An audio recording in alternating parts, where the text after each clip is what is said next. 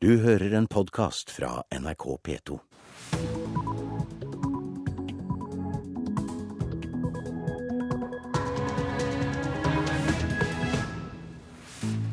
Og der passerte klokka 6.30. Velkommen til P2s Nyhetsmorgen. Det er onsdag, og vi skriver 15. august i dag. Jeg heter Hege Holm, og dette er hovedsaker i nyhetene akkurat nå. Fire av ti nordmenn har fått svekket tillit til politiet etter 22. juli-kommisjonens rapport. Vi må vise at vi tar kritikken på alvor. Vi må vise at vi er i stand til å endre oss på en slik måte at vi viser oss tilliten verdig. Ja, Det sa politidirektør Øystein Mæland. Myndighetene bør slutte å bruke lønnsnemnd under streik, mener Finansforbundet. Å synge for demente gir roligere pasienter. Det viser ny forskning.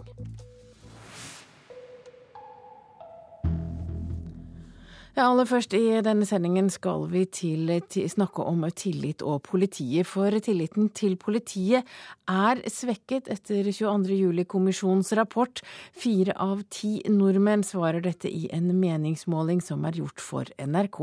Men folket deler seg. Kanskje ikke helt på topp i disse dager. Ja, for de har gjort en del feil. Og... Mange har fått med seg de fortvilende tabbene som koster liv. Ikke noe helikopter. Eller misforståinger om oppmøtested. En gul lapp med det avgjørende tipset, som ble liggende. I Norstats måling gjennomført for NRK i går, sier 38% at de har fått svekka eller svært svekka tillit til politiet etter kommisjonsrapporten. Men norsk politi nyter i utgangspunktet stor tillit. Og alt er da heller ikke borte. Jeg tror ikke jeg har mista noe tillit til politiet i den forstand. Jeg syns at de gjorde en veldig god jobb med å alt i alt, liksom. Selv om de kanskje var litt seine. 55 svarer at oppfatninga deres av politiet ikke er endra. Så jeg syns veldig synd på de som blir litt syndebukker her. Per Sandberg fra Frp, leder i justiskomiteen på Stortinget, mener undersøkelsen viser ei tillitskrise. Ja, det er meget alvorlig, at, eh, og det er alvorlig for demokratiet. Eh, hvis man i en rettsstat, eh, rettsstat eh, ser signaler om at politiet mister tillit, da er vi ute å kjøre. Vi vet fra før at politiet har hatt høy tillit hos folket. Den har vært nærmere 90% Den har vært synkende også før denne rapporten kom. Og det skyldes at politiet ikke får gjort jobben sin. Når det i løpet av kort tid kommer så mye kritisk materiale mot politiet og politiets handlinger, så er det eh, ikke overraskende at eh, vi får denne type reaksjoner. Politidirektør Øystein Mæland tror han og hans uniformerte kollegaer har et viktig arbeid framfor seg. Utgangspunktet for norsk politi er jo at vi nyter veldig høy tillit i befolkningen. Og den har vært uendret etter 22.07. Fram til nå. Eh, men det er jo en tillit som vi eh, legger veldig stor vekt på å forvalte på best mulig måte. Det er ikke noe som vi har for evig tid. Må vi, tillit må vinnes hver eneste dag. Og den situasjonen vi er i nå, med så mye eh, kritikk, og begrunnet kritikk, mot politiet, det, det gjør jo at vi må vise at vi tar kritikken på alvor. Vi må vise at vi er i stand til å endre oss på en slik måte at vi viser oss tilliten verdig. Reportere her var Håvard Grønli, Trond Lydersen og Iver Kleiven. Fredsbevarende styrker fra Den afrikanske unionen forbereder nå et avgjørende angrep på den somaliske byen Kismayu. Byen blir fortsatt kontrollert av den islamistiske opprørsbevegelsen Al Shabaab, men tre ugandiske helikoptre som skulle understøtte offensiven, krasjet i helgen i nærheten av Mount Kenya underveis til Somalia. Og Afrikakorrespondent Lars Sigurd Sundan, hva vet vi om det som skjedde? Det var i alt fire russiskbygde helikoptre som fløy fra Kampala for å slutte seg til den fredsbevarende styrken i Somalia. Ett av dem nådde frem til den kenyanske garnisonsbyen Garissa. Men de tre andre enten nødlandet eller krasjet innenfor en radius på én kilometer nær Mount Kenya. Av de 21 som var om bord i disse tre helikoptrene, ble to drept, fire er fortsatt savnet, mens 15 har overlevd. Helikoptrene ble levert i 2003 og en talsmann for hæren i Uganda sier at det var dårlig vær som førte til at de ikke kom lenger enn til Mount Kenya. Personell fra FN hadde sjekket dem før avreise. Alt var i orden rent mekanisk, fremholder han. Uansett må den fredsbevarende styrken fra Den afrikanske union nå klare seg uten denne luftstøtten når Al Shabaab skal nedkjempes i den viktige havnebyen Kishmayo. Men klarer de den jobben alene? Ja, De klarte etter hvert å presse Al Shabaab ut av hovedstaden Mogadishu. Men det tok tid, og, og slaget om Kishmayo kan også trekke i langdrag. Byen er svært viktig for Al Shabaab, ikke minst finansielt i form av avgifter som blir lagt på varer som kommer inn til og som sendes ut fra havnen. Men styrkene fra Den afrikanske union er blitt stadig bedre rustet og trent. Både amerikanske og britiske spesialstyrker har gitt dem assistanse, så slaget om Kishmayo kan bli avgjort på kortere tid enn hva som var tilfellet i Mogadishu. Men dette var jo altså helikoptre fra Uganda, og hvor viktig er Ugandas rolle i operasjonen mot Al Shabaab? Ja, soldatene fra Uganda er selve bærebjelken i de fredsbevarende operasjonene. Totalt teller styrkene fra Den afrikanske union, Amison, nær 17 000 soldater, og 9000 av dem kommer fra Uganda. Er det bare idealistiske motiv som eh, ligger bak Ugandas innsats? Det er god butikk å ha soldatene i Somalia på FNs budsjett. Hjemme i Uganda har en soldat en lønn på rundt 750 kroner i måneden. I Somalia, med krigsrisikotillegg og det hele, får hver av de 9000 soldatene minst 6000 kroner i måneden. Totalt er det da snakk om et vesentlig bidrag til økonomien i Uganda. og Dessuten, det er mye tryggere for Ugandas president Joveri Museveni å ha soldatene i Somalia enn å ha dem hengende hjemme på dårlig lønn i Kampala. En vet jo aldri hva misfornøyde soldater og offiserer kan finne på. Det har vi sett i en rekke land i Afrika. Takk til deg, korrespondent i Afrika, Lars Sigurd Sunna nå. Lønnsnemnd som stopper streiker er en uting i arbeidslivet, det mener Finansforbundet. Men samfunnet trenger sikkerhet for kritiske funksjoner, og løsningen er at partene inngår frivillige avtaler, sier forbundsleder Jorunn Berland. Hun er i ferd med å forhandle fram en slik avtale. For oss er det viktig å ha en, en, viss forutsigbarhet i det at ja, vi får streike, og at vi, at vi har den streikeretten som vi har rett på. Mange har vært kritiske til måten lønnsnemnd ble brukt på under vekter- og oljestreiken i sommer. Så er det én ting til som er viktig ved den debatten, og det er at vi så bl.a. i oljestreiken at uh, arbeidsgiverne spekulerte i tvungen lønnsnemnd. Det er altfor lett i dag, uh, og det er en veldig uheldig situasjon for alle. Og SV-leder Audun Lysbakken vil ha slutt på alle lønnsnemndene. I Norge så har vi brukt tvungen lønnsnemnd for ofte. Vi har fått kritikk fra FNs arbeidslivsorganisasjon, ILO, for det. Eh, og Derfor så ønsker vi SV nå når vi skal vedta vårt nye program, å diskutere alternativer til tvungen lønnsnemnd. Myndighetene blir nervøse for at samfunnskritiske funksjoner skal stoppe helt opp. Men det blir alltid bråk når streiker stoppes. Finansforbundets streik i 2006 ble stoppet av lønnsnemnd. Den gangen så eh, fikk vi streike så lenge vi hadde forsikring ute. Når vi meldte opptrapping til bank, så svarte arbeidsgiverne med lockout. Det myndighetene da gjorde, eller regjeringen gjorde da, det var at de, svart, de kalte oss inn til møte og sa de ville gripe inn med tvungen lønnsnemnd før vi hadde fått trappet opp streiken. Det syns vi var ganske utidig. Mange følte at de ikke hadde streikerett. Ja, Det var det som var, var, var, reaksjonen, at så lenge ikke bank får streike, så har ikke vi streikerett. I høst skal forbundsleder Jorunn Bærland prøve å få til en ny avtale med arbeidsgiverne i finans, slik at lønnsnemnd unngås. Det å begrense bruken av tvungen lønnsnemnd, det er det som er interessant. Det som blir viktig da, det er at partene må må sjøl lage den avtalen. Det må ikke være myndighetene som sier at det og det og det, der får dere lov å streike. Men det lovgiver kan gjøre, eller det myndighetene kan gjøre, det at de kan gi en sånn avtale en status. Sånn, eh, sånn, at den faktisk får en verdi, og at ikke det blir usikkerhet når vi sitter midt oppi det om har den avtalen en verdi. Der kan myndighetene gjøre en jobb. Ja, og Det sa altså forbundsleder Berland til reporter Hedvig Bjørgum. Og Siri Røyne, du er direktør i NITOs avdeling for arbeidsliv og forhandlinger. Blir tvungen lønnsnemnd brukt for raskt? Vi har nok eksempler på at det kan ha vært brukt eh, for raskt, men eh, NITO mener jo at den ordningen vi har, at Stortinget, regjeringen, kan stoppe en streik når det er eh, fare for liv og helse eller det er fare for skade i forhold til kritiske samfunnsmessige interesser, den eh, er viktig å fortsatt ha i Norge.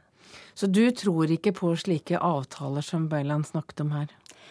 Eh, nei, vi i NITO ønsker ikke den type avtale. Vi syns at den ordningen vi har er god nok når den brukes i henhold til de intensjonene som ligger der. Det er vanskelig å vurdere, spesielt hva som er samfunnsmessig kritiske eh, interesser når det er fare for de, men eh, vi mener at eh, ved en skjønnsom bruk av det, så er tvungen lønnsnemnd det beste, eh, beste middelet vi har i forhold til å kunne stoppe en streik. Og det må vi kunne også gjøre, selv om vi selvfølgelig er opptatt av å opprettholde streikeretten. Norge har jo gjentatte ganger fått kritikk fra den internasjonale arbeidstager, arbeidstagerorganisasjonen IOL. Bør vi ikke endre praksis etter så mange klager? Eh, vi bør nok eh, sette oss ned og diskutere hva som ligger i begrepene fare for liv og helse eh, og fare for å gå på tvers av kritiske samfunnsmessige interesser. Den diskusjonen syns jeg vi skal ta.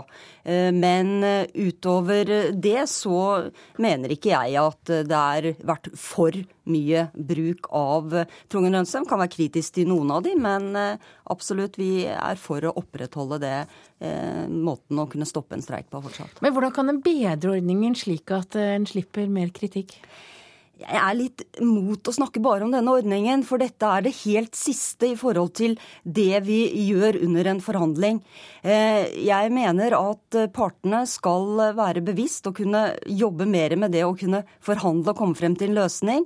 Ikke spekulere og komme til megling.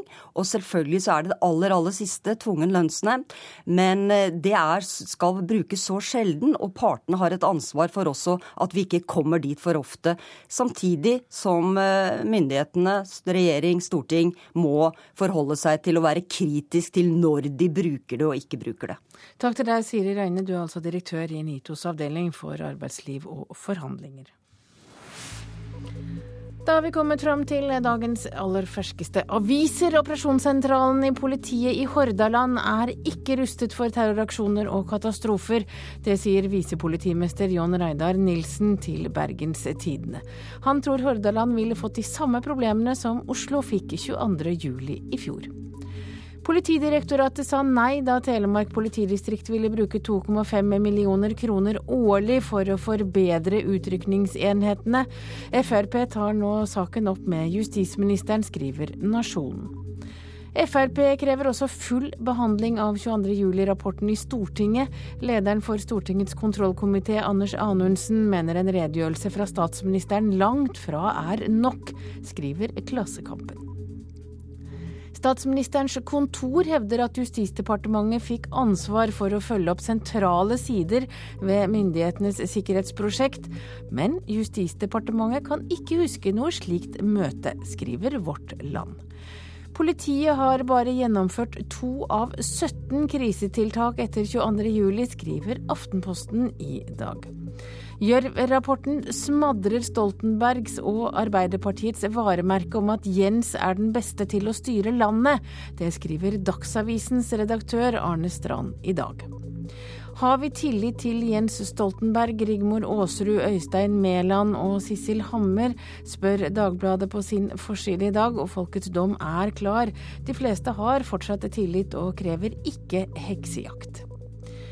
Krise i Glomfjord etter at REC slo den norske virksomheten konkurs. Dagens Næringsliv forteller historien om familien med tre barn som nå må flytte fra bygda med 1200 innbyggere uten å få solgt huset.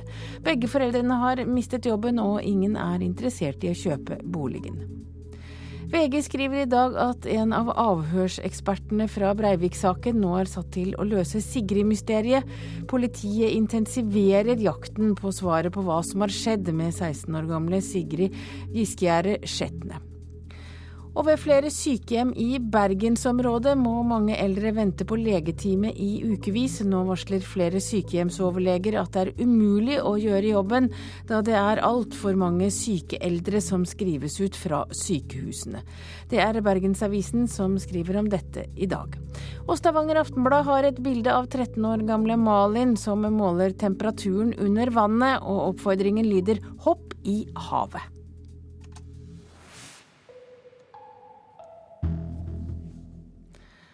Dårlig økonomi fører til at Larvik håndballklubb nå går nye veier for å skaffe seg inntekter. Innen året er omme, håper nemlig daglig leder Bjørn Gunnar Brun Hansen på å åpne dørene til verdens første håndballekeland.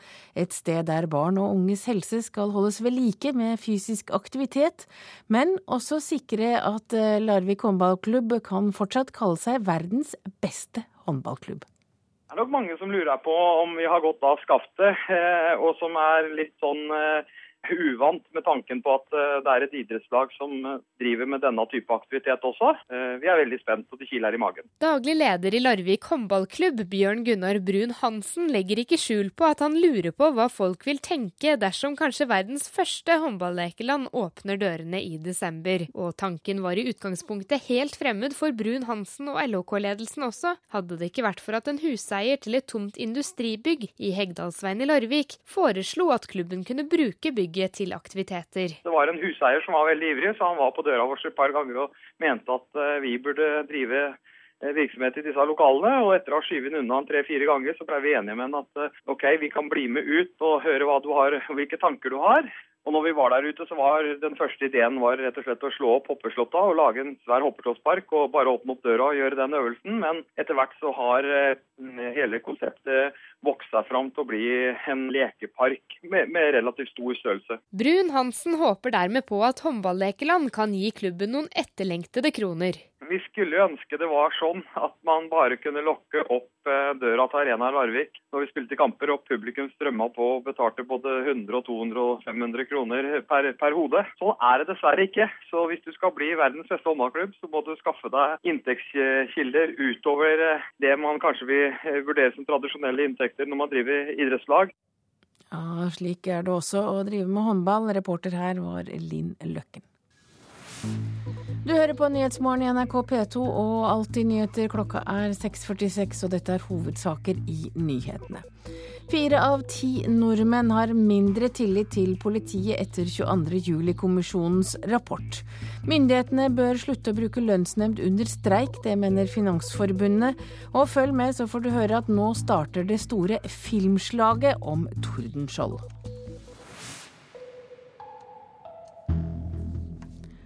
Men først skal vi snakke om norske menn som finner seg utenlandske kvinner. Særlig i Nord-Norge er det mange som gjør det. Der er nemlig én av ti menn gift med en kvinne fra et annet land. Og en av de første damene som kom til Norge etter å ha funnet kjærligheten, Theodora fra Filippinene, kom til Tromsø allerede i 1986.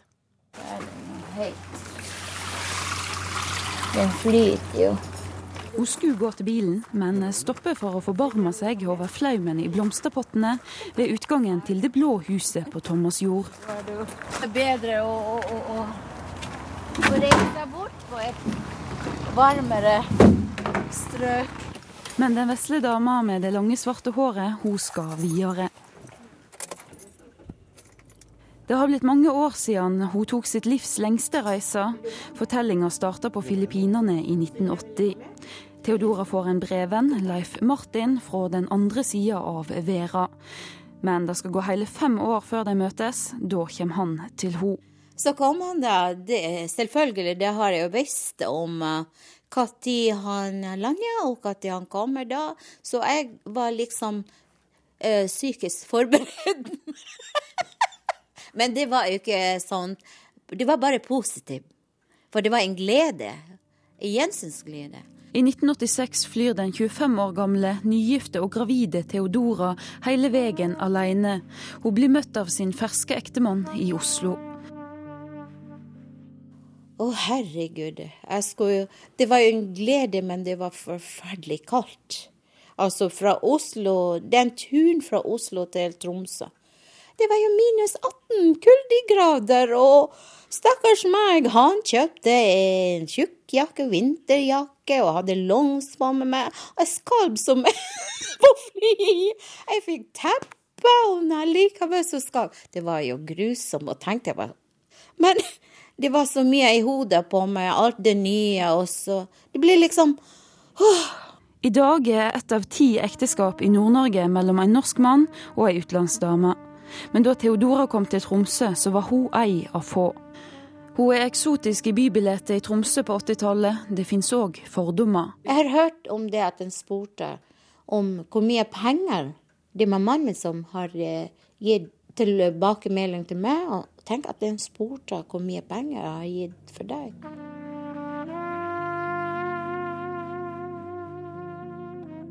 Men Theodora når måla sine, lærer seg språk, får seg jobb, tar lappen, og får barna Glenn, Christer og Hege. Og så har jeg tatt det her telefonen Tilbake i 2012 møtes Theodora og Rita van Dijk i en mørk skinnsofa i Norsk Folkehjelp sitt hus i Tromsø. De planlegger drifta av Kjerringhjelp. Det er et tilbud der nyankomne utenlandske damer kan få hjelp til det meste på sitt eget språk av damer som har vært lenger i Norge. Man er fortvilt av mange ting og tang som alt er eh, fremmed. Man kan jo være hjelp for språket, man kan jo være Det er mange ting, mange ledd man kan hjelpe der. Det fantes ikke noe kjerringhjelp da hun kom, men Theodora hadde sin egen støttegruppe. Jeg ble ivaretatt, så godt ivaretatt av familien til mannen min. Og jeg følte meg at jeg er velkommen, og ble, jeg hadde den sikkerhet. Og jeg var på en måte avslappende da. Innendørs i det blå huset på Thomasjord er veggene fylte med minner. I stua henger et stort bilde av en høgreist mann og ei jente med blomsterkrans på hodet. Etter nesten 20 år i lag, så dør ektemannen brått.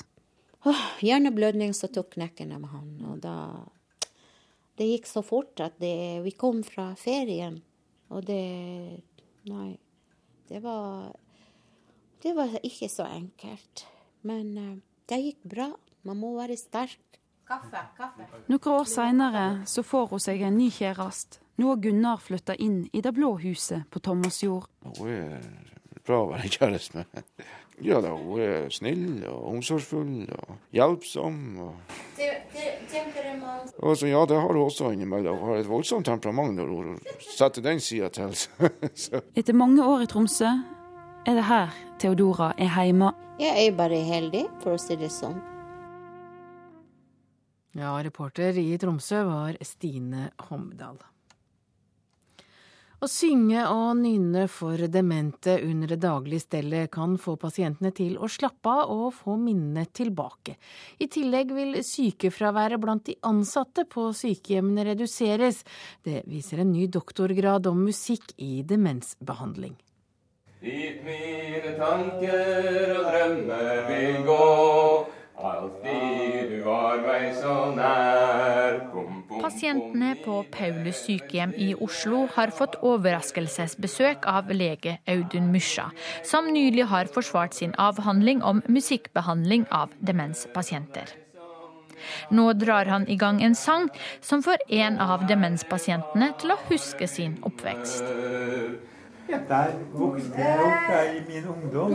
Så var det ved Nidelva og, for jeg, på Voldsminnet jeg bodde, vet du. På dette sykehjemmet synges det ikke bare under organiserte sangstunder, men når som helst når pleier og pasient omgås, sier sykepleier Bente Berg. Du kan synge mens du holder på å lage mat og mens du går og mens du Jeg pleier å spørre liker dere at jeg nynner eller ikke i en stellsituasjon også. Audun Mysja har holdt på med musikkterapi i mange år. Men dette er første gangen noen i Norge har forsket på hvilken type musikkbehandling som virker over tid. Jeg har bygd opp en systematisk metode hvor du kan kartlegge hva slags musikk som vil nå inn til den enkelte. Og dermed kan pleiere uten musikkompetanse også bruke et verktøy, enten en bruker ferdiginnspilt musikk eller bruker egne sanger. Et eksempel er det vi kaller omsorgssang, hvor mange er urolige i stell og vasking. Og så kartlegger vi, finner to sanger som vedkommende svarer godt på, så må alle synge under stellet. Selv om behandling med utdannede musikkterapeuter også er viktig, gir det mest uttelling når det synges daglig i f.eks. pleiesituasjoner. Til glede for både pasient, pleier og for sykehjemsøkonomien. Det har jeg funnet på alle prosjektsykehjemmene mine at stellene går mer effektivt når en synger. Og Det blir mindre slitasje på personalet, så det effektiviserer hverdagen. Det viktigste er likevel virkningen sangen har på pasientene, som slapper av og kan få minner tilbake, sier Berg, som stadig synger på jobb. Sang har et annet språk enn en, en, eh, å kommunisere på vanlig måte. Det, det, er veldig effektivt, og du kan ha demente pasienter som ikke har språk, men i det vi synger, så, så, så settes de på et sånt eh, Ja, så settes de i en erindring som fungerer. og og, og, er til stede. Om ikke de kan formidle, så ser du at det er til stede i en, for minne. Og reporter på Paulus' sykehjem var Sofia Paskiewicz. Sjøhelten Tordenskjold er hovedperson i flere filmprosjekter som nå kjemper om investorer og oppmerksomhet. Produsenten bak Max Manus og Trolljegeren tror ikke det er plass til mer enn én film om Tordenskjold på kinolerretet. Men Erlend Loe tror det. Han har skrevet manus til et nytt prosjekt om sjøhelten.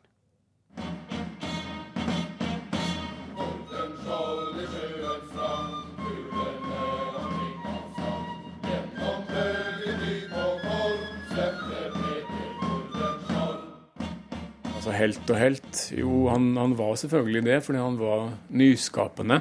Det er trangt under skråtaket i kontorlokalene til filmselskapet Motlys i Oslo sentrum. Men to meter med Erlend Lo får likevel plass nok i sofaen til å fortelle om manuset han har skrevet til en ny dansk-norsk film om 1700-tallshelten Tordenskjold. Rommet hvor man kan dikte videre, er mye større enn f.eks. For i forhold til Heyerdahl eller hvem det nå skulle være, som har levd mye i, i, mer moderne tid, da, og hvor det kildene finnes, og noen vil alltid ta en telefon og korrigere Heyerdahl snakka ikke sånn eller sånn. Mens med Tordenskiold kan man ta seg frihet av. Det syns jeg er morsomt. Filmen har et anslått budsjett på 45 millioner kroner, noe som er mye her til lands, og lages i samarbeid med danskene bak TV-hiten Broen. Går alt etter planen, kommer den på kino om to år. Los manus skal visstnok gi en frisk vri på den historiske filmsjangeren, men forfatteren vil ikke røpe hvordan. Det er, som vi har forstått, etter hvert en slags konkurranse her. Så da tror jeg det er best, i hvert fall for eh, oss som jobber med det, å ikke si for mye om det. Det lages nemlig nå også en annen film om Tordenskjold, uten at Yngve Sæther, som produserer Los manus, tror det dermed blåser opp til kamp mellom filmene. Jeg tenker at uh, det sannsynligvis kommer til å bli to såpass forskjellige filmer at det gjør ikke noe, og at Tordenskjold er stor nok til å bære dem alle.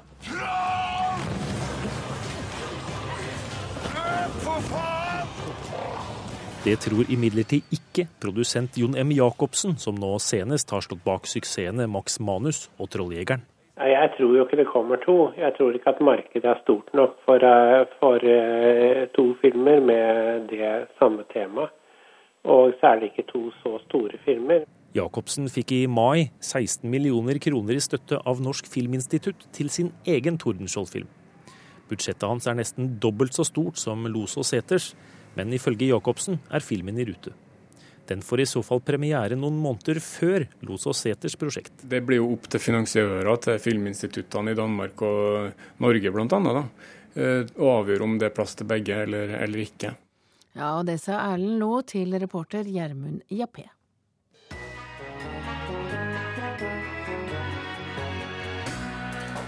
På lørdag er det premiere på Kongeblod, spelet om Knut Alfsson, mannen som kunne blitt den store norske frigjøringshelten hvis han ikke hadde blitt myrdet i 1502. Vi ser på hvordan norsk historie kunne sett ut hvis det mordet ikke hadde skjedd, og så spanderer vi lunsj på mannen som spiller Knut, Nicolai Kleve Broch, i Radioselskapet klokka 11. Og da har vi kommet fram til et værvarsel her i Petos Nyhetsmorgen. Fjellet i Sør-Norge, der ventes det for en stor del pent vær. Agder, Telemark og Østlandet østlig opp til frisk bris vest for Lindesnes. For stor del pent vær. Rogaland og Hordaland periodevis sørøstlig frisk bris på kysten sør for Obrestad. Stort sett pent vær. Sogn og Fjordane nordlig bris på kysten, til dels pent vær, men stedvis mer skyet først på dagen. Møre og Romsdal på kysten nordøstlig bris, skiftende skydekke og perioder med sol. I indre strøk enkelte lokale ettermiddagsbyger, og i kveld stort sett pent vær. Trøndelag lokal morgentåke på kysten, men ellers til dels pent vær. Utrygt for enkelte ettermiddagsbyger i indre strøk. Nordland og Troms. På kysten nordøstlig frisk bris fra Lofoten og nordover. Stedvis tåkeskyer på kysten og i fjordstrøkene, særlig fra Lofoten og nordover. Mulighet for enkelte lokale ettermiddagsbyger i indre strøk, ellers lettskyet pent vær. I Finnmark ytre strøk stedvis lave tåkeskyer, i indre strøk lange perioder med sol og mulighet for enkelte ettermiddagsbyger på vidda.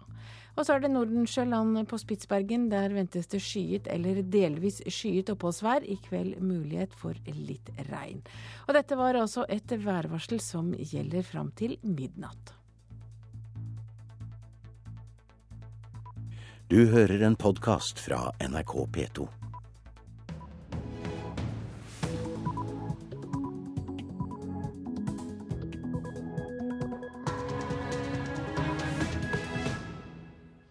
Klokka er sju, du hører på Nyhetsmorgen. Jeg heter Hege Holm, og her er en nyhetsoppdatering. Fire av ti nordmenn har fått svekket tillit til politiet etter 22. juli-kommisjonens rapport. Eh, hvis man i en rettsstat eh, ser signaler om at politiet mister tillit, da er vi ute å kjøre. Og det sa leder av Stortingets justiskomité, Per Sandberg fra Fremskrittspartiet. Regjeringen visste at helikopterberedskapen var svekket før terrorangrepet i fjor. Det slår 22.07-kommisjonen fast. Myndighetene bør slutte å bruke lønnsnemnd under streik, mener Finansforbundet. Det å begrense bruken av tvungen lønnsnemnd, det er det som er interessant. Partene må sjøl lage den avtalen. Det må ikke være myndighetene som sier at det og det og det.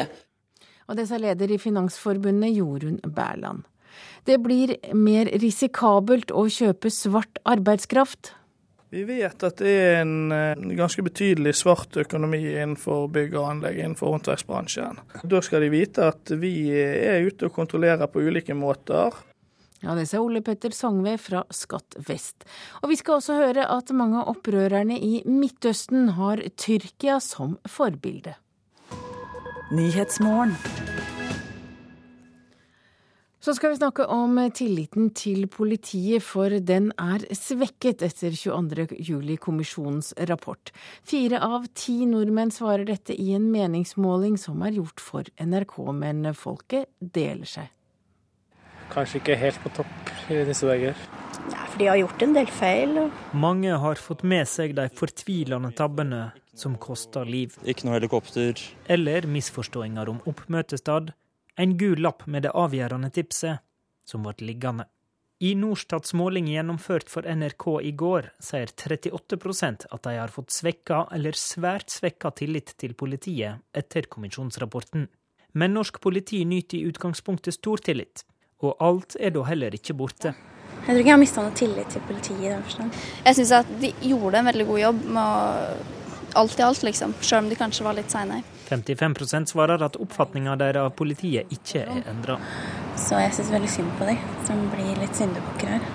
Per Sandberg fra Frp, leder i justiskomiteen på Stortinget, mener undersøkelsen viser ei tillitskrise. Ja, det er meget alvorlig, at, eh, eh, og det er alvorlig for demokratiet. Eh, hvis man i en rettsstat, eh, rettsstat eh, ser signaler om at politiet mister tillit, da er vi ute å kjøre. Vi vet fra før at politiet har hatt høy tillit hos folket. Den har vært nærmere 90% Den har vært synkende også før denne rapporten kom. Og det skyldes at politiet ikke får gjort jobben sin. Når det i løpet av kort tid kommer så mye kritisk materiale mot politiet og politiets handlinger, så er det ikke overraskende at vi får denne type reaksjoner. Politidirektør Øystein Mæland tror han og hans uniformerte kollegaer har et viktig arbeid framfor seg. Utgangspunktet for norsk politi er jo at vi nyter veldig høy tillit i befolkningen.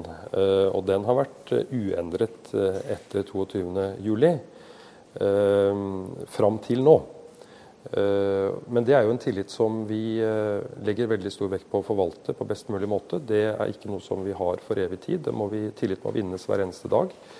Og den situasjonen vi er i nå, med så mye eh, kritikk, eh, og begrunnet kritikk, eh, mot politiet, det, det gjør jo at Vi må vise at vi tar kritikken på alvor. Vi må vise at vi er i stand til å endre oss på en slik måte at vi viser oss tilliten verdig. Og reportere her var Håvard Grønli, Trond Lydersen og Iver Kleiven. Og Ole Eivind Henden, du er kommentator her i NRK. Hvorfor kommer politiet så dårlig ut av undersøkelsen? Ja, Det opplagte er jo selvfølgelig aksjonen 22.07, som eh, ikke gikk eh, etter planen. Men jeg tror mye av grunnen ligger i håndteringa etterpå.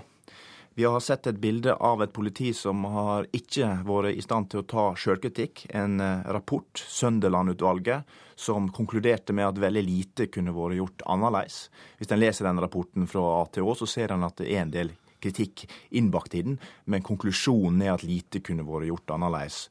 Og det eh, er nok en eh, grunn til at publikum får mindre tillit, når en ser hvordan eh, politiet ikke har klart å lære av det som skjedde 22.07, fram til 22.07-kommisjonen kom med sin rapport. Ja, vi ser jo Aftenposten i dag skriver at bare to av 17 tiltak er gjennomført etter, etter 22.07. Sikkerhetstiltak.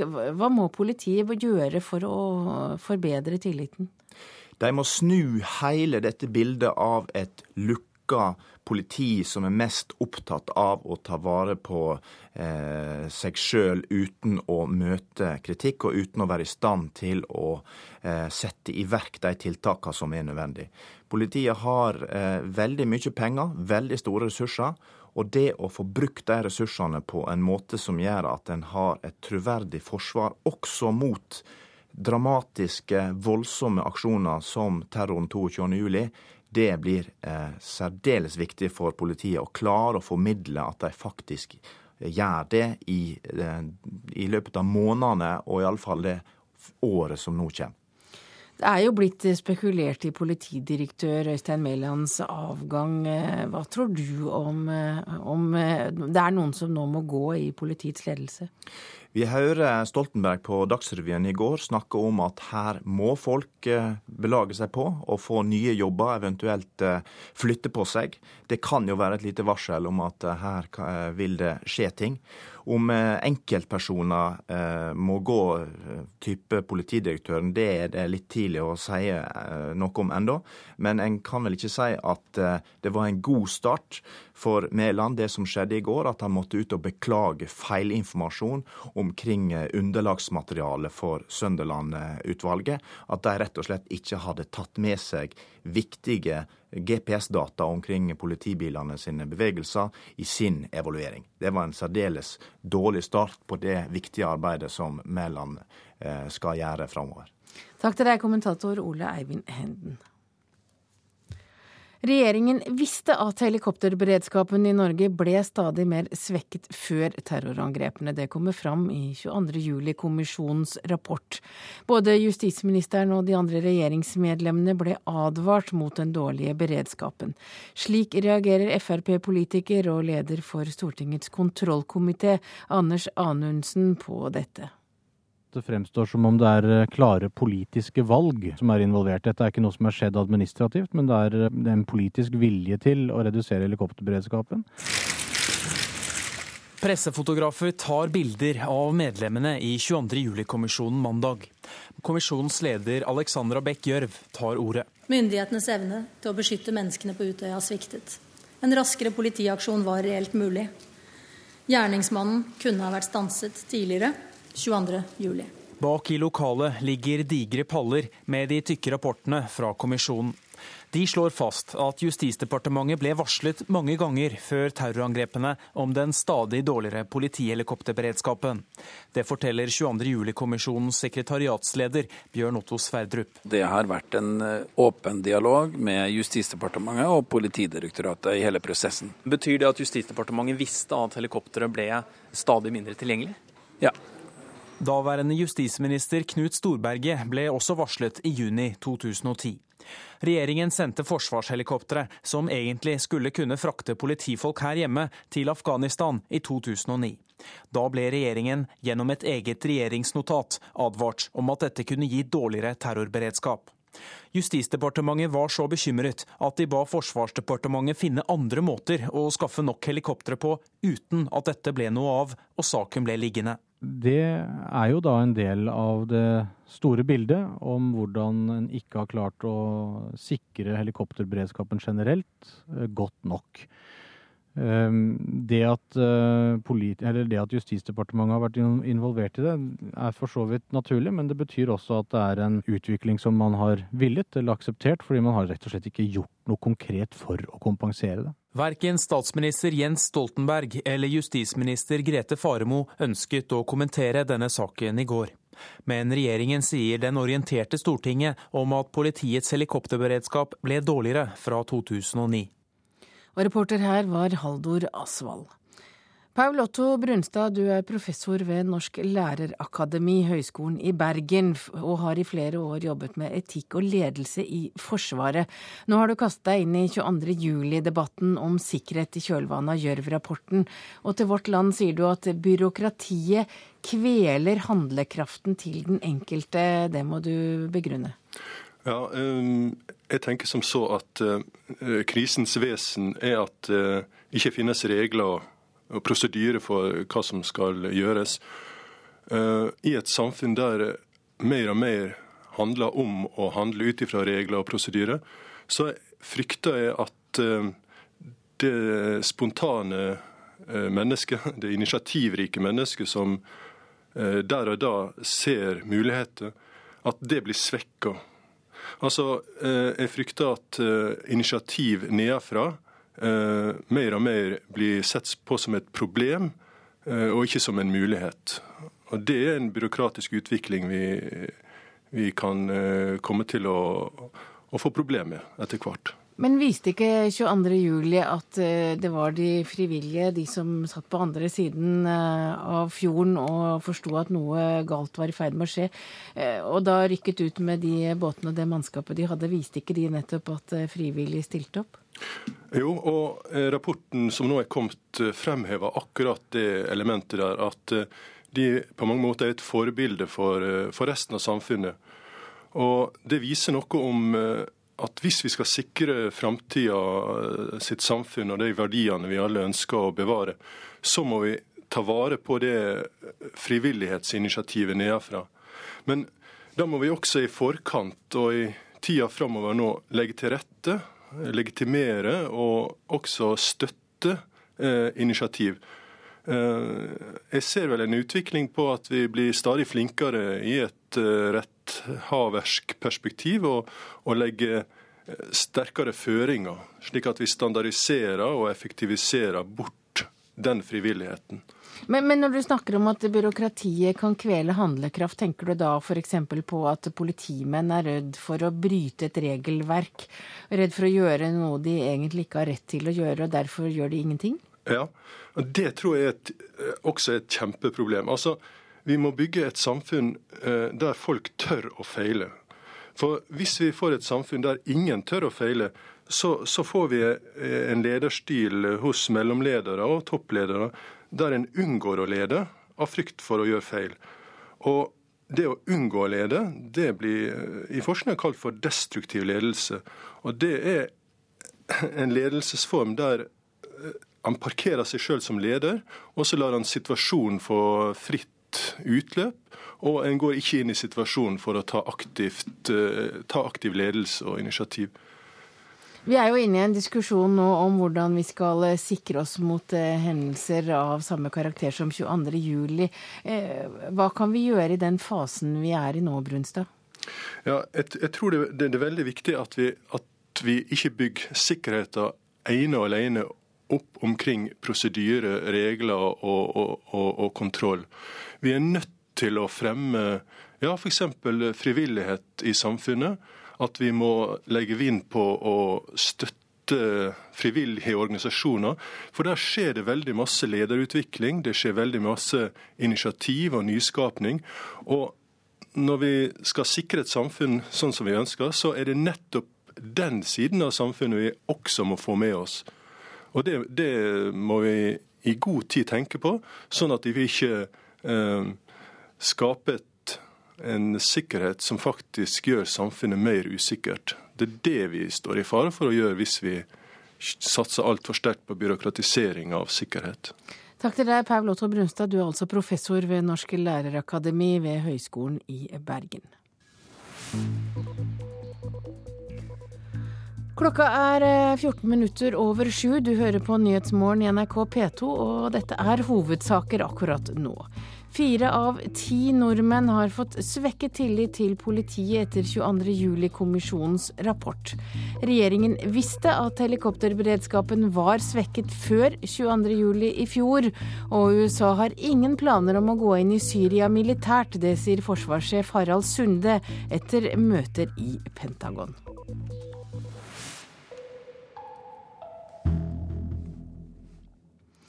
Opprørerne som kjemper for demokrati i den arabiske verden, ser til Tyrkia.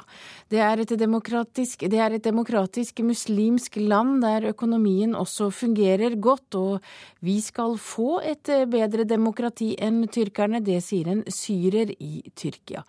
De kan kanskje lære noe av oss, men vi har intet å lære fra den arabiske verden, sier tyrkisk redaktør til NRK. Mens kampene fortsetter mellom opprørshæren og regimets styrker, drømmer syrere om hvordan samfunnet deres skal bli når krigen brenner ut. Millioner av tunisiere, libyere og egyptere som krevde diktatorene sine avsatt, kjempet for et demokrati av typen de har sett eller hørt om i Europa.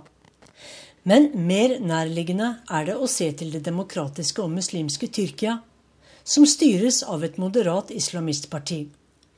Her går kvinner kledd som de vil, etniske grupper lever side om side, og både kirkeklokker og minareter kaller inn til bønn. Statsminister Recep Tayyip Erdogan fremmer landets interesser, og tyrkere er stolte av landet sitt, står på og bidrar til økonomisk vekst i det hovedsakelige sunnimuslimske landet.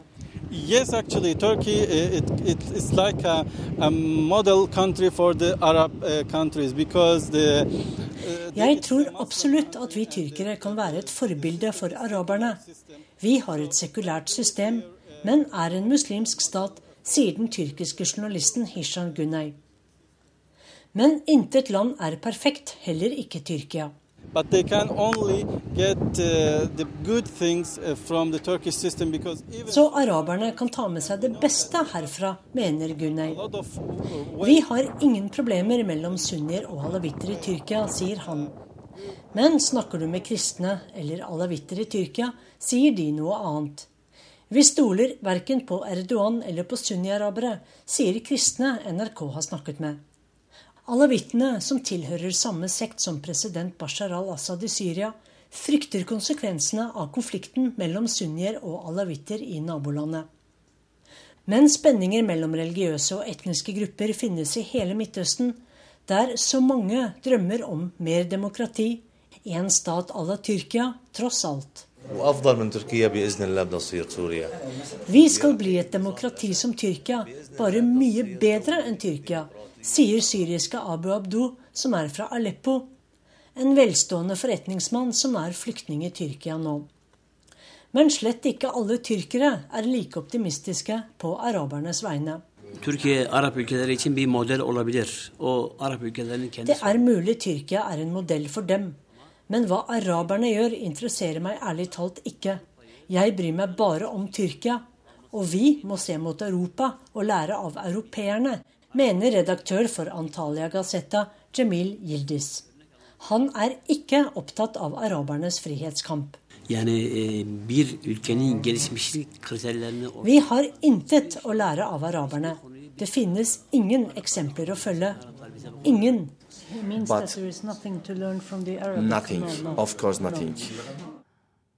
Klar tale der, reporter var Sissel Wold.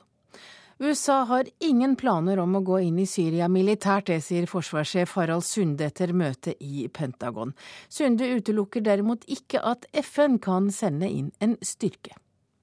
Jeg holder alle muligheter åpne for hva verdenssamfunnet kan gjøre i Syria. Fordi det vi ser nå, det er mennesker på flukt. Mennesker på flukt fra krigshandlinger, fra borgerkrigslignende tilstander. Og det er ingenting som er så grusomt som borgerkrig. Sikkerhetsrådet møtes igjen i morgen for å diskutere Syria.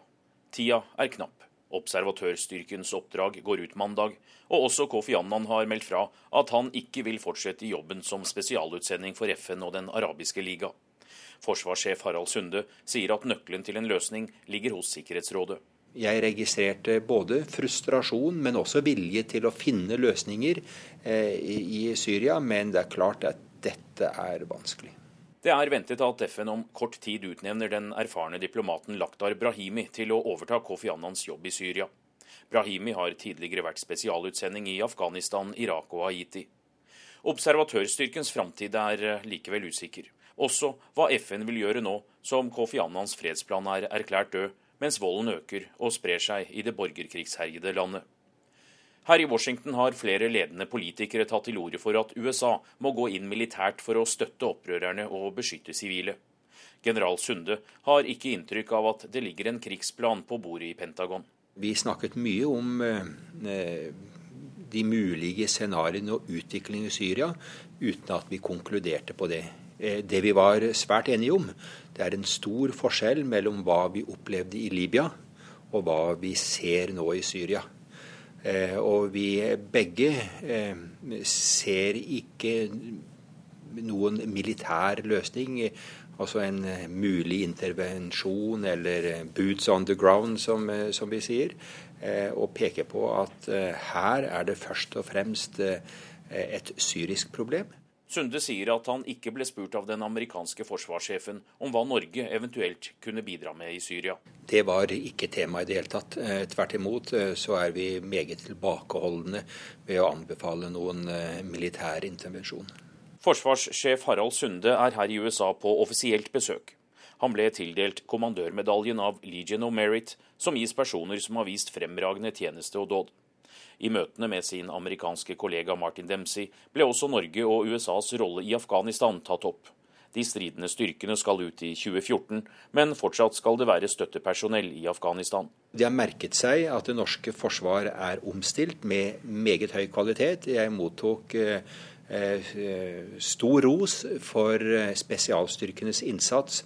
Vi var alle enige om at nå er tiden inne for en endring i Afghanistan. Eh, de afghanske styrkene har fått eh, så omfattende kapasiteter at de nå kan stå på egne bein. Derfor er det viktig at vi eh, omstiller innsatsen i Afghanistan og finner et balansepunkt hvor afghanerne selv er i stand til å løse sine utfordringer.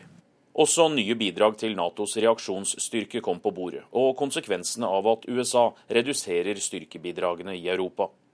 General Sunde tok også opp det han kaller viktigheten av ikke å militarisere nordområdene. Og han fikk forsikringer om at kampflyprosjektet F-35 er på skinner. Det har jo vært en viss eh, usikkerhet, en viss turbulens, en diskusjon som har fulgt en så stor investering. Eh, at vi nå eh, har fremgang i prosjektet, og at amerikanerne peker på at det er F-35 som også er deres løsning, det er betryggende og det er viktig for oss. Forsvarssjefen skal også innom de norske jagerflygerne i Texas før han reiser hjem. Anders Tvegård, Washington. Og da har vi flere meldinger fra den store verden, for Hellas ber nå om mer tid til å få gjennomført de store budsjettkuttene som de internasjonale kreditorene krever. Hellas ber om å ta kuttene over en fireårsperiode i stedet for to som er avtalt, skriver Financial Times. FN har begynt å fly mat inn i Sør-Sudan. Maten blir sluppet fra fly over en flyktningleir med over 100 000 mennesker på grensen til Sudan. Fra før av får 1,7 millioner mennesker nødhjelp fra FN i området. I Australia har Høyesterett vedtatt at de svært strenge tobakklovene ikke strider mot Grunnloven. Avgjørelsen betyr at tobakksselskapene ikke lenger får lov til å bruke fargene, logoene og merkedesignet sitt på røykpakkene. I stedet blir alle sigarettpakker helt like, med bilder av sykdommer og skader man kan få av å røyke. Tobakksselskapene frykter at andre land skal følge etter. Og i USA der brygger president Barack Obama på noe i Det hvite hus, nærmere bestemt øl. Presidentens øl har fått navnet White House Honey Ale og brygges i både lys og mørk versjon. Honningen den kommer fra Michelle Obamas bikuber.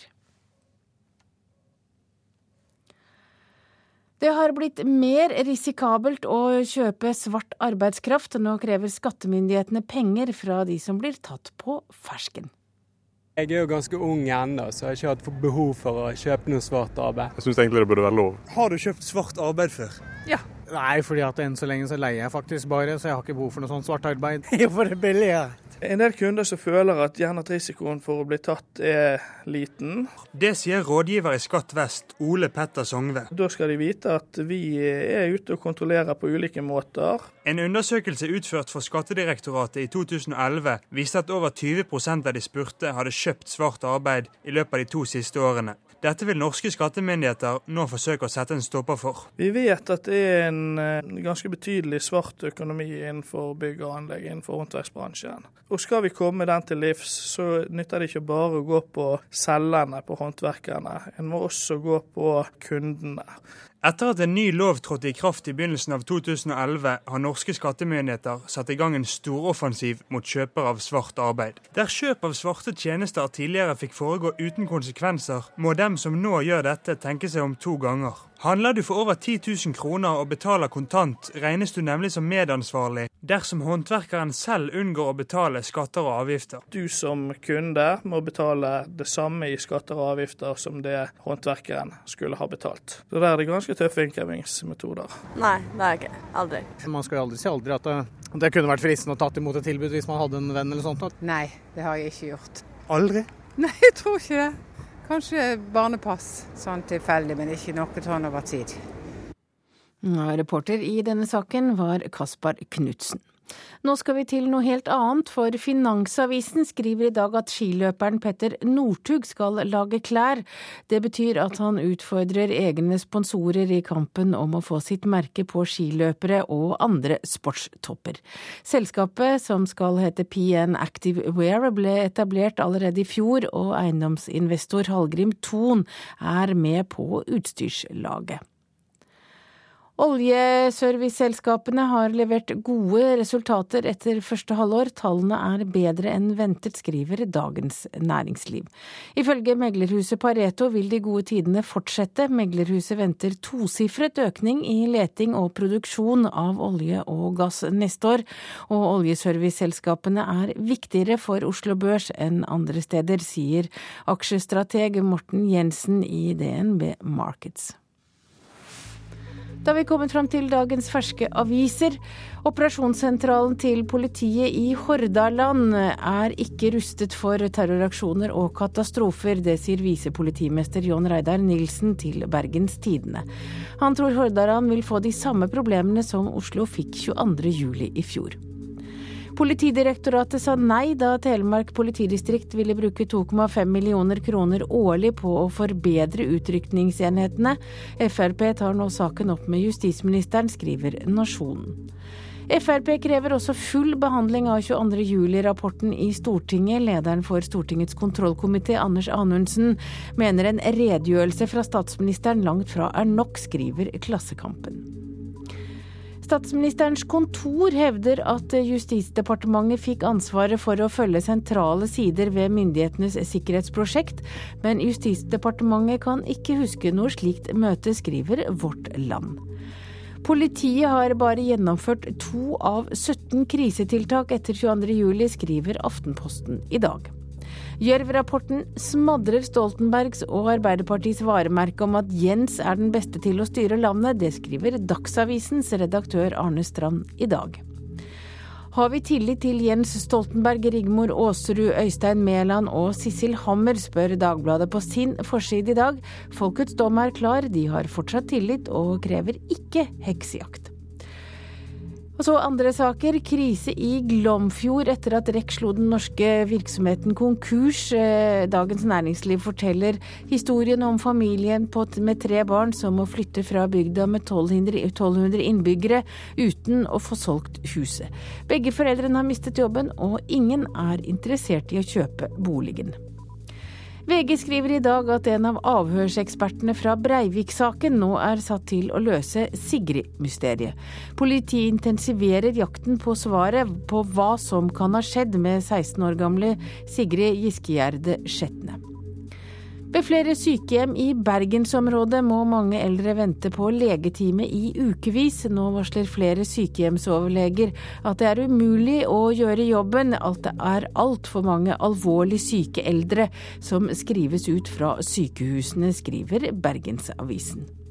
Og Stavanger Aftenblad har i dag på forsiden bilde av 13 år gamle Malin Lindstad, som måler badetemperaturen under vann, og oppfordringen lyder 'hopp i havet'.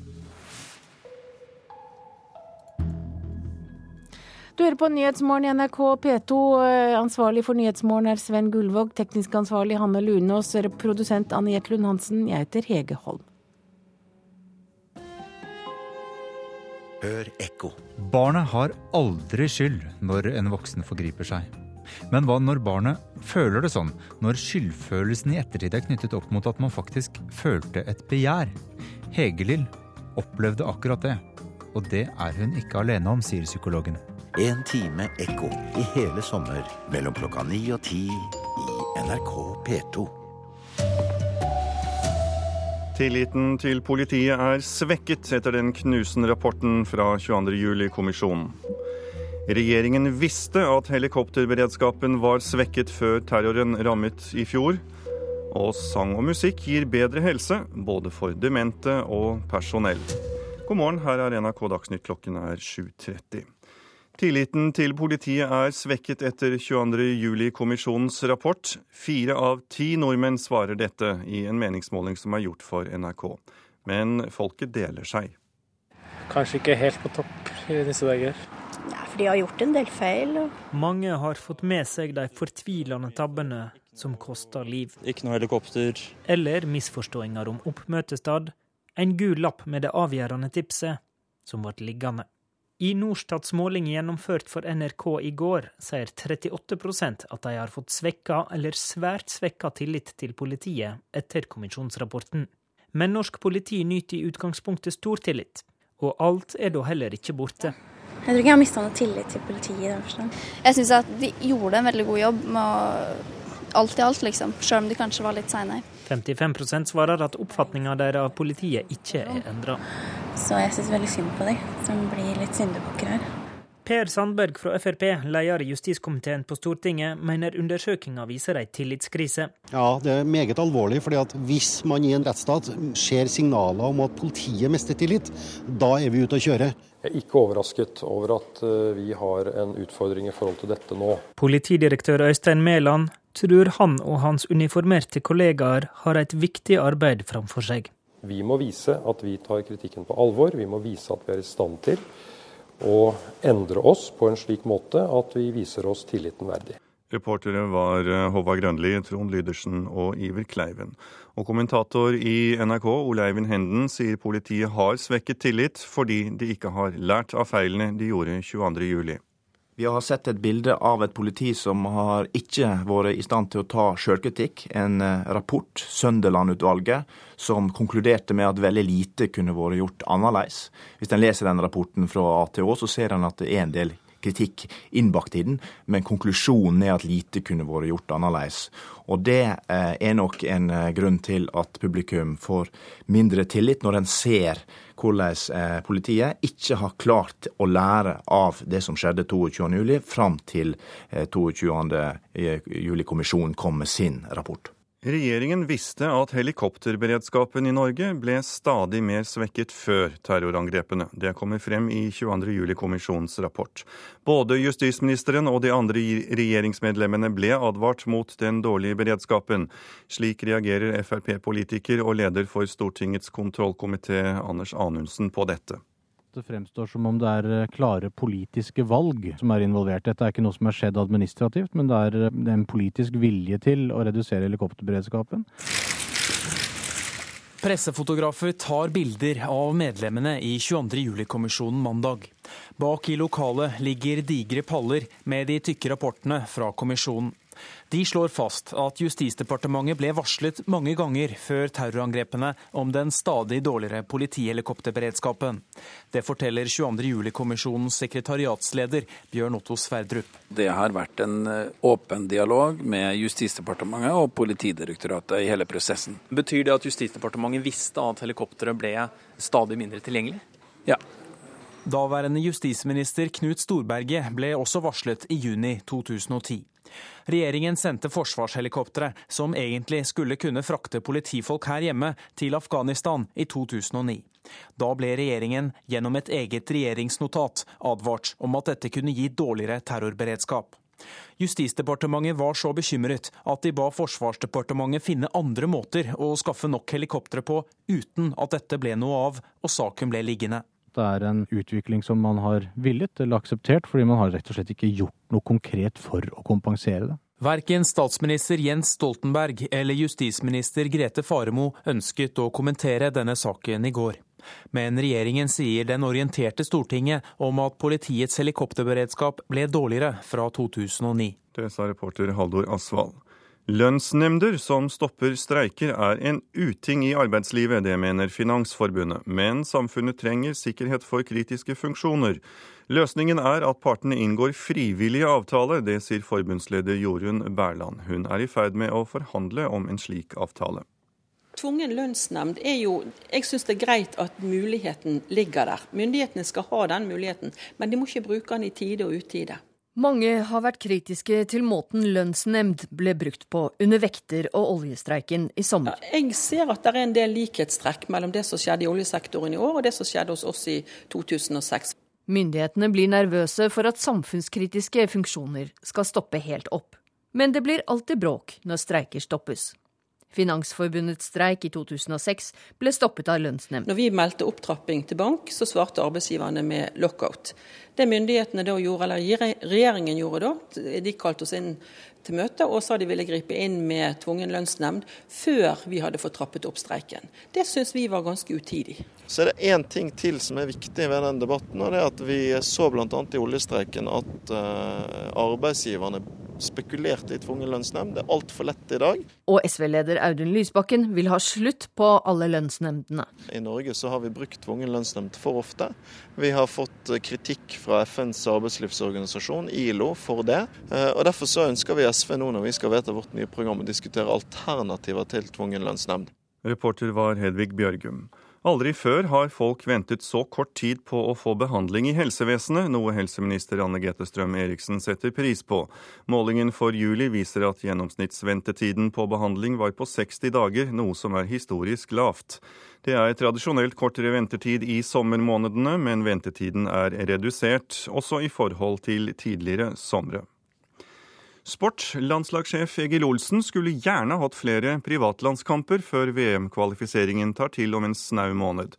Kveldens oppgjør mot Hellas blir den eneste muligheten til å gjøre seg fortjent til en plass på laget før det virkelig gjelder.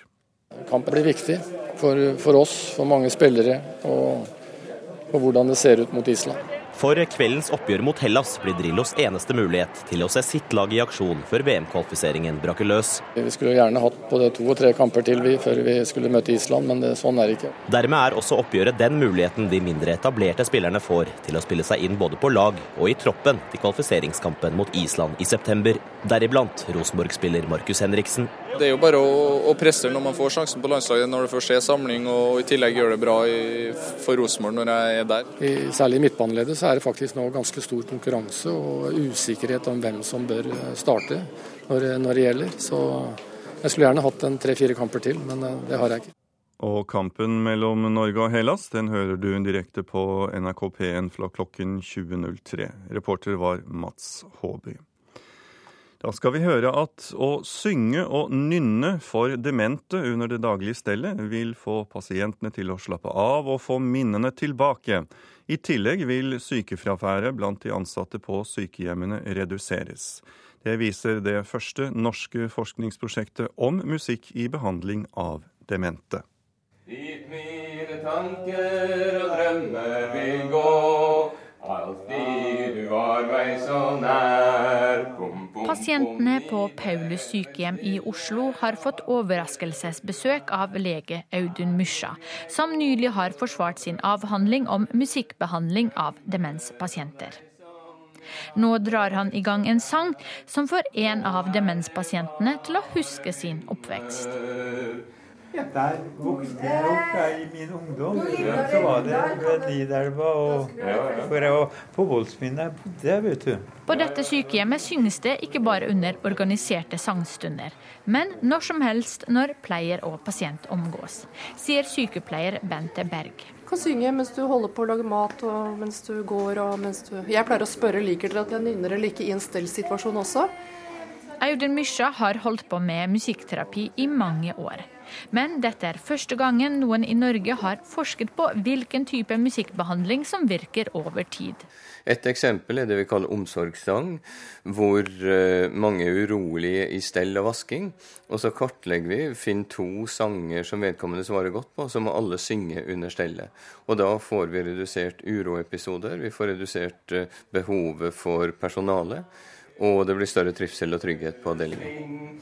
Men lær deg å elske de nære ting. Reporter var Sofia Paskiewicz. Og flere nyheter kan du lese på nrk.no på nett, brett og mobil. Ansvarlig for sendingen var Sven Gullvåg, teknisk ansvarlig Hanne Lunås. Her i studio Tor Albert Frøsland.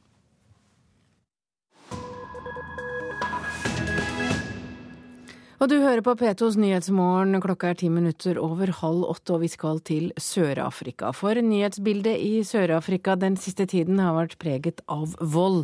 I Cape Town, der rivaliserende narkotikabander herjer, har landets største fagorganisasjon bedt presidenten sette inn soldater for å trygge gatene. This is the most addictive drug in the Western Cape. De er ruset, og de kaller seg The Americans. De hevder selv at gjengen har om lag 100 medlemmer.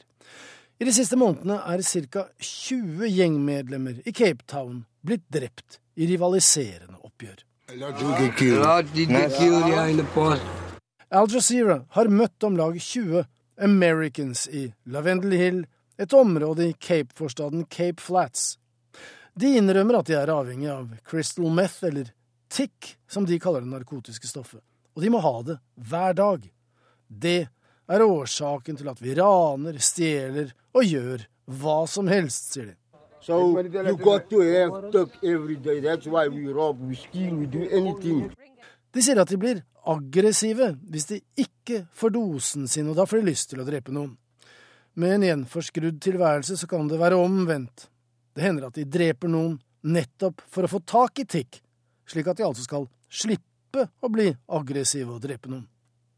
Mannen med dette resonnementet kaller seg Ringo. Han forteller at når han tar tikk, så blir han allmektig og hensynsløs.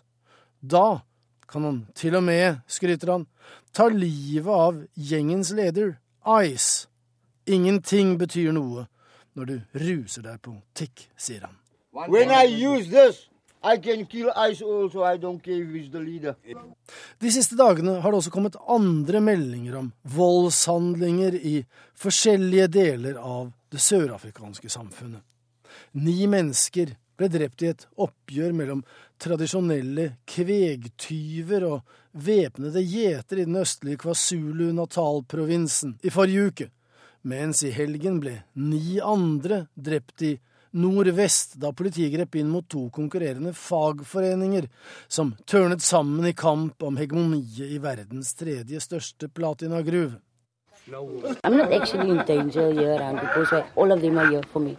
Me. Vanligvis er gjengmedlemmene sinte, unge menn som griper til våpen eller bruker vold. Men blant de angivelig 100 The Americans er det også en jente. Enda så dårlig rykte gjengvennene hennes har, utenfor gjengen så føler hun seg trygg, sier hun. Selv om de fleste har sittet inne, er dopet ned av narkotika og bevæpnet, så hevder hun at gutta beskytter henne og hjelper henne.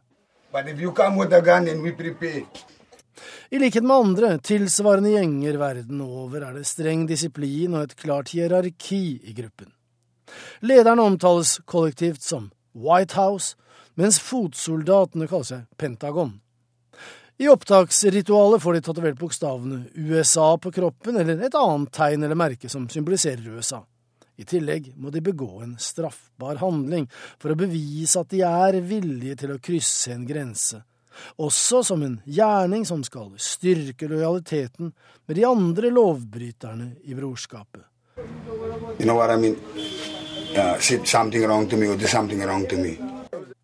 På denne bakgrunn er det lite sannsynlig, tror mange i Sør-Afrika, at det vil spille noen særlig rolle om president Zuma etterkommer ønsket om å sette inn soldater mot gjengene i Cape Town. For det dreier seg om desillusjonert ungdom som har mistet håpet om en jobb og en fremtid. For dem er nå samholdet i gjengen blitt selve meningen med livet, så lenge det varer. Og det sa utenriksreporter Joar Hoel Larsen. Du hører på Nyhetsmorgen, klokka er 7.44 og vi har disse hovedsakene. Fire av ti nordmenn har fått svekket tillit til politiet etter 22.07-kommisjonens rapport. Regjeringen visste at helikopterberedskapen var svekket før 22.07 i fjor, og USA har ingen planer om å gå inn i Syria militært, sier forsvarssjef Harald Sunde etter møter i Pentagon. Og folkets tillit til politiet, det er også tema i Politisk kvarter, programleder Katrin Hellesnes. Ja, vi spør politidirektøren hvordan han har tenkt å vinne tilbake tilliten.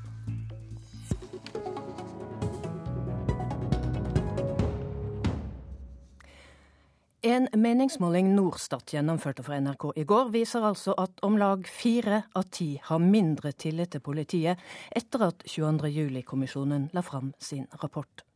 Lederen i justiskomiteen på Stortinget, Per Sandberg fra Frp, mener det viser en tillitskrise. Ja, det er meget alvorlig, at, eh, og det er alvorlig for demokratiet. Eh, hvis man i en rettsstat, eh, rettsstat eh, ser signaler om at politiet mister tillit, da er vi ute å kjøre. Vi vet fra før at politiet har hatt høy tillit hos folket. Det har vært nærmere 90% Den har vært synkende også før denne rapporten kom. Eh, og det skyldes at politiet ikke får gjort jobben sin. Politidirektør Øystein Mæland, hvor alvorlig syns du at den eh, svekkede tilliten er? Ethvert eh, signal om at tilliten til politiet svekkes, tar jeg på største alvor. Det er alvorlig. Vi har hatt et veldig godt utgangspunkt ved at politiet i Norge nyter svært høy tillit. Og vi vet at også etter 22.07. og fram til nå så har den vært ganske så uendret. Det har vi målt. Det er ikke rart at vi opplever en eh, omdømmekritisk situasjon nå eh, i forbindelse med framleggelsen av 22.07-kommisjonens rapport, hvor jo politiet får sterk kritikk på mange nivåer. Eh, den kritikken er vel begrunnet og underbygget. Og den munner også ut i forslag til tiltak og krav eh, om hva politiet må foreta seg. Men Mener du da at denne svekkede tilliten den er, den er også da velbegrunnet? Ja, altså Tillit er jo en vanskelig størrelse. Eh, det er i hvert fall ikke noe man kan vedta seg til. Vi er klar over at vi, eller jeg leder en virksomhet som, er, som blir fulgt med argusøyne, både av befolkningen og av media, politikere osv. Eh, og alt hva vi foretar oss, blir sett kritisk på. Eh, vi er avhengig av god tillit til befolkningen for å kunne gjøre en god jobb eh, i forhold til å beskytte liv og helse og verdier. Og vi tror jo at det viktigste i tillitsbyggingen er det folk ute ser hver eneste dag i forhold til hvordan politiet løser sine oppgaver. Ja, dere er altså avhengig av den tilliten, sier du. Og hvordan skal dere gjenvinne den? Vi må Uh, igjen bygget på 22. juli-kommisjonens rapport, uh, for så vidt også sammenfallende med andre vurderinger vi har gjort tidligere. Uh, kommisjonsrapporten peker jo på at det er behov for å gjøre Sette fokus på holdninger, ledelse og kultur. Det gjelder ikke bare for politiet, men også for politiet.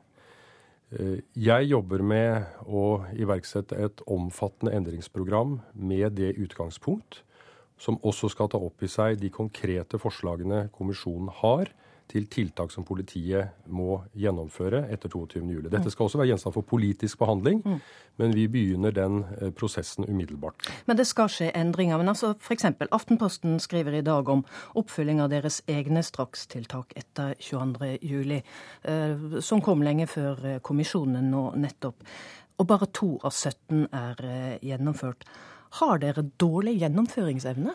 Det er eh, Aftenpostens eh, ord at dette er strakstiltak.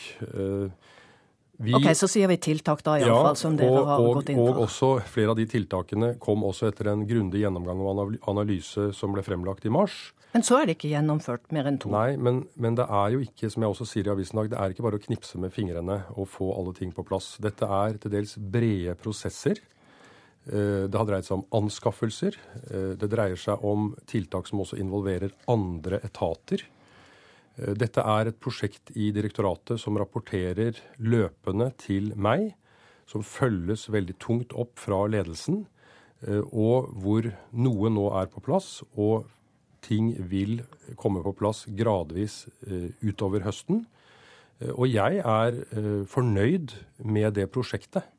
Jeg mener faktisk at det prosjektet er i veldig godt gjenge, og at vi har fått til gode resultater. Er du like fornøyd med at det f.eks. For fortsatt ikke finnes et nasjonalt beredskapssenter, at eh, den nye IKT-satsingen ikke er på plass? Dette er ting da som har pågått i flere år? Det er helt riktig, og IKT-området i politiet har vært gjenstand for årelang forsømmelse. Eh, der, I forrige uke signerte jeg en IKT-strategi, og vi er i gang med et stort prosjekt som både skal dreie seg om straffesaksbehandling og uh, som skal understøtte uh, løsninger, bl.a. som det har vært fokus på nå, ute i bilene til politi, politiet. Men det, tar, at, men det, har tatt veldig veldig lang tid. Ja, Hvor, hva er det med dere som gjør at det tar så lang tid? Jeg har vært politidirektør ett år. Som jeg sier, Det har vært gjenstand for en årelang uh, forsømmelse. og Jeg sier ikke det for å skylde på min forgjenger, fordi dette har også vært varslet fra hennes side. Men det krever milliardinvesteringer som ikke vi alene har vært i stand til å finne rom for. Er uh, det norske folk tryggere i dag enn for et år siden? Vi har bedret beredskapen på flere områder. Uh, og i forhold til et beredskapsperspektiv så mener jeg det så er det viktig å huske på at Norge er et av de tryggeste samfunnene i verden. Og når vi snakker om å styrke beredskapen, så må vi også, kan vi ikke bare snakke om en generell styrking av den. Vi må bygge på grundige risikoanalyser av hvilke farer som truer oss. Men Hvis det skjer noe i morgen, hvis det skjer et terroranslag i morgen, er politiet bedre rustet da enn for et år siden? Hvis det skjer et eh, fullstendig overraskende angrep som ikke det har vært mulig å ha noen forutanelser om, så står vi igjen i en stor utfordring. La det være helt klart. Men det er skjedd endringer i beredskapen som bl.a. går på samarbeid mot Forsvaret, som går på uh, helikopterberedskap. Det er gjennomgått beredskapsplaner. Det er øvet i flere politidistrikter enn før på stabsarbeid osv. Men, men, men, men disse angrepene som altså 22.07 viste oss, som, som, ikke vi har noen forutdannelse om Det er jo også viktig å si da at det er begrensninger i hvor mye et samfunn kan forberede seg og beskytte seg mot akkurat det. Takk for at du kom til Politisk kvarter, politidirektør Øystein Mæland. Vi skal videre til Jeg har fått to gjester til i studio fra justiskomiteen. Og vi begynner med deg, André Oktay Dahl, eh, andre nestleder i komiteen. Hvor stort problem syns du det er at folk har mindre tillit til politiet enn før? Det er selvfølgelig et eh, stort problem og en stor utfordring. Eh, men jeg tror jo ikke den manglende tilliten først og fremst er til polititjenestemenn selv. Jeg tror den manglende tilliten rammer oss politikere. Eller ikke bare tror, den gjør det. Fordi alt som har skjedd før og etter 22.07, er et politisk ansvar og et ledelsesansvar. Så jeg mener egentlig at de tallene der, det er en direkte marsjordre til alle politiske partier på Stortinget til å komme bort fra den manglende fokuset, holdningen, kulturen vi har hatt til å tenke sikkerhetsspørsmål. Og jeg syns det er ganske talende når man skriver om Aftenpostens eh, uttalelse i 2007 hvor man altså sa at uh, stenging av Grubbegata det var nærmest noe det dummeste man kunne tenke seg. Det var hysterisk og paranoid. Om ikke det var sitat var helt riktig, så var det det som var innholdet. Men det er den holdningen som på mange måter også preget veldig mange av oss som er politikere. Så har vi heller ikke utrustet norsk politi med verken de ressursene, folkene, metodene eller kanskje også lederne som norsk politi trenger. Så jeg syns først og fremst dette er en utfordring for oss politikere å greie å gjenskape tilliten til vårt eget politi, som vi har ansvaret for. Politikerne må altså gå i seg selv. Er du enig i det, Jan Bøhler fra Arbeiderpartiet? Ja, jeg syns det var en veldig konstruktiv eh, innledning fra André Dahl. Det er eh, helt riktig at vi eh, må ta et felles ansvar for å bygge opp igjen tilliten, og for å få større gjennomføringsevne i de spørsmålene som vi ser at det er mangler i. Og, og det er også viktig at politiet viser at de styrer det de skal styre. Og jeg syns eh, den Gjørv-kommisjonen er veldig god på å si at eh, nå skal vi ikke bare diskutere ressurser, nå skal vi diskutere hvordan man gjør det man kan gjøre innenfor de eh, ja, for det virker nesten som, som et sånn større problem enn det de fleste har trodd ja, på forhånd. For vi har trodd det handla mye om penger, ressurser, men det er altså gjennomføring. Ja, og det er, det er viktig å holde fokus på den delen. og Derfor så tror jeg Eh, det også må legges vekt på at eh, politiet nå, når de har fått denne rapporten, på punkter som folk ser at her er det ikke, liksom, her angår det ikke de store bevilgningene og de store eh, systemspørsmålene, men hva skjer på en operasjonssentral med en lapp om at man eh, eh vet noe om gjerningsmannen, som ligger der i 20 minutter osv. Altså, rutinene, systemene, at ting må gå på skinner, eh, øvingen og sikringen av kvaliteten i systemet, er jo det kommisjonen setter veldig mye eh, fokus på. Så det er viktig at politiet nå i sin egen håndtering av den rapporten ikke kommer i en defensiv situasjon, men viser veldig mye ærlighet og viser hvordan man skal forbedre de systemene de setter fingeren på. Oktay Dahl, da vi snakket sammen før sendinga, så, så, sa du at eh, selvfølgelig er rapporten rystende lesning, men likevel så er du ikke veldig overrasket over problemene som beskrives. For de er kjent fra før. Forklar det nærmere. Nei, At vi har lavt bemannede operasjonssentraler, at vi har få folk på jobb, at vi har eh, manglende utstyr, eh, det er jo ikke noe som ingen politikere har hørt om før. At det er store utfordringer, det er som kommisjonen sa, det har nok kanskje vært intellektuelt akseptert, men ikke tatt konsekvensen av. Men jeg tenker fremover nå. Skal vi lære noe av dette her? Skal vi si at vi har fått en annen kultur? Da er det to tester som dette samfunnet rimelig kjapt bør greie å få til. Det er å få på plass et beredskapssenter, og ikke nødvendigvis ha så stor grad av lokaldemokrati, kanskje, som man eh, gjerne vil ha. Fordi vi trenger det senteret. Og ikke minst et politihelikopter. Å få den døgnberedskapen som eh, Stortinget i snart ti år har forutsatt skulle være der, men som ennå ikke er der. Da tenker jeg at det er to tester på om dette samfunnet i hele tatt har tatt lærdom. Og det er to ting som absolutt må komme på plass. Og vi har muligheten til å vise at vi har lært noe av evnen eller mangler evnen som systemene våre har til å skjære gjennom og drive skikkelig ledelsen eller sikkerhetsarbeid. Bøhler, et av forslagene fra kommisjonen går på styrking av operasjonssentralene i mm. politidistriktene. Eh, bør flere av de små slås sammen for å få mer slagkraftige enheter?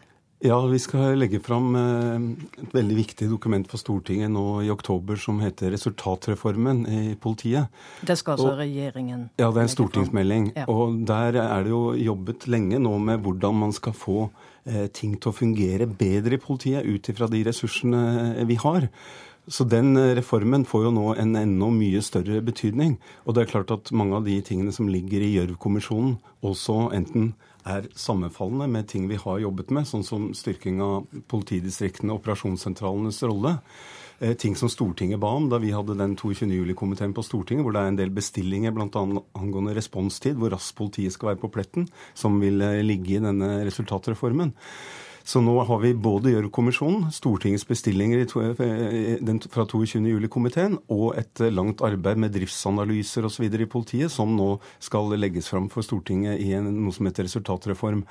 Og her er, det, her er, det, veldig mange ting som vi skal se på. Men et av tingene er antallet politidistrikter. Og én måte å få sterkere operasjonssentraler på, er jo å ha noe færre politidistrikter. Sånn at det blir større enheter og større ja, ressurser å sette skje, inn der. Mener du? Ja, jeg mener mener det, må, det er en del steder hvor vi har for små politidistrikter til at de har nok slagkraft og til å kunne yte raske nok og gode nok tjenester. Ja, Det er en veldig viktig debatt vi kommer til å ha.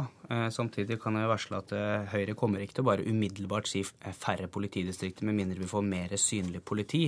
Og Det er en viktig debatt å ta her. for Nå kommer vi til å munne ut og si at vi vil ha bedre beredskap. Men det ligger jo også en ganske så god beredskap i at vi får et mer synlig nærpoliti også. For det vi har sett, er at eh, Anders Behring Breivik Hvis vi skulle tatt han tidligst mulig, så var det antageligvis lenge, lenge, lenge før 22.07. i fjor. Derfor en viktig debatt å ha fremover er at vi ikke bare flytter på noen bokser sånn som vi kanskje har gjort før, en del andre land har gjort, som har gjort at vi ikke har fått noe mer synlig politi. Vi har fått et fjernere politi fra der folk faktisk er. Men nå er det altså, en hel, altså massevis av forslag og anbefalinger i meldinger og kommisjonsrapporter og komitérapporter. Hvordan skal en sikre at det faktisk nå blir gjennomført, i stedet for å bli liggende i skuffen eller snakka om? Ja, Nå har vi jo noen uh, hovedsaker vi vil ha veldig sterkt fokus på. Det er ni punkter som Gjørv-kommisjonen legger fram blant disse uh, konklusjonene sine som angår direkte politiet, og som er punkter jeg er enig i alle sammen. Og som vi nå får veldig stor tyngde bak når det gjelder å få gjennomført og få satt trykk på. Jeg tror vi må ha en ny politisk revolusjon når det gjelder styring, og ikke minst kontroll. Og vi politikere må begynne å bry oss mer om at våre vedtak faktisk gjennomføres, og ikke bare finne på nye, kanskje morsommere tiltak som kanskje gjør seg bra i media, men at det mer såkalt kjedelige kanskje i større grad blir gjennomført. Takk for at dere kom til Politisk kvarter, Oktay Dahl og Jan Bøhler. Du har hørt en podkast fra NRK P2.